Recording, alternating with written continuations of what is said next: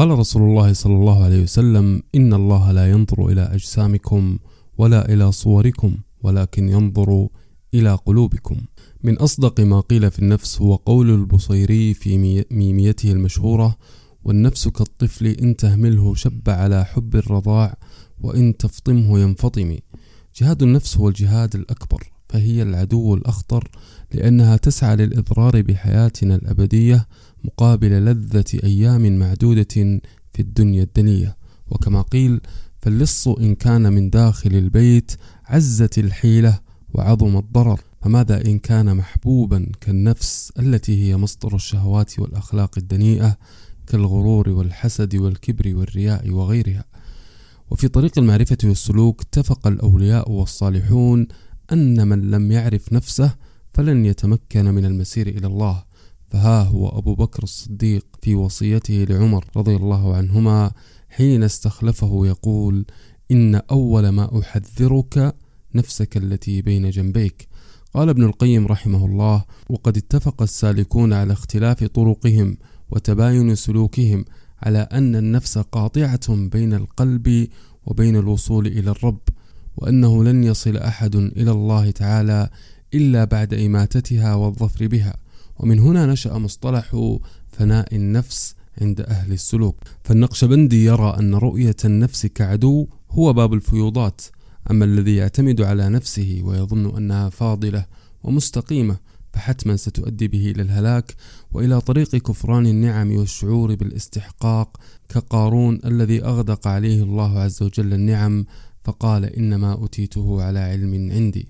ومن يعرف نفسه سيعرف ربه لأنه سيعرف العجز والفقر والنقص الذي يلازم الإنسان ويعرف أن كل نعمة وموهبة هي من الله عز وجل.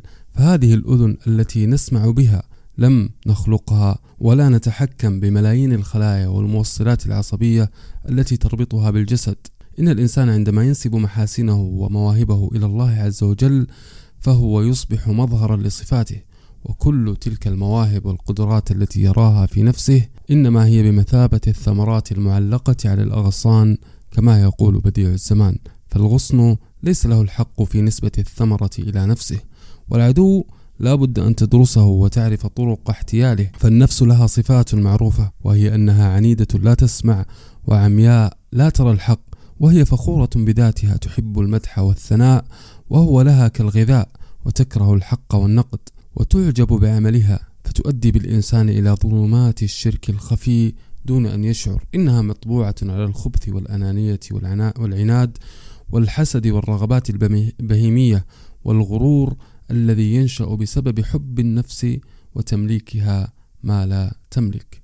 ما أصابك من حسنة فمن الله وما أصابك من سيئة فمن نفسك. فلا تعجب بعملك فالله هو من أراده لك وحفزك عليه فأرسل الرسل ووعدك بالجنة وهو من خلق الجسد وأعطاك تلك القدرة لعبادته. فلو لم يعطي الحياة والجسد والقوة والعافية كيف ستعبده؟ فكل النعم من الله وكل السوء منا فلا فخر لنا ولا عجب بأي عمل. فلا تزكوا أنفسكم هو أعلم بمن اتقى. لا تحب نفسك فتزكيها من كل العيوب لأن عين المحب عن كل عيب كليلة. فمن يحب نفسه لا يرى قصورها وسيدافع عنها في كل حين وسيجري في مرادها حتى يكون ممن اتخذ إلهه هواه. عمل الصالحون النفس كالدابة فالعقاب ينتظرها إن أساءت والجائزة تنتظرها إن أطاعت. وكما قال البصيري وراعها وهي في الأعمال سائمة وإن هي استحلت المرعى فلا تسمي كم حسنت لذة للمرء قاتلة من حيث لم يدري أن السم في الدسم. وأساس الجهاد مع النفس هو تزكيتها. قد أفلح من زكاها وقد خاب من دساها. والتزكية تعني تخلية النفس من الأوصاف الذميمة وتحليتها بالأوصاف الحميدة.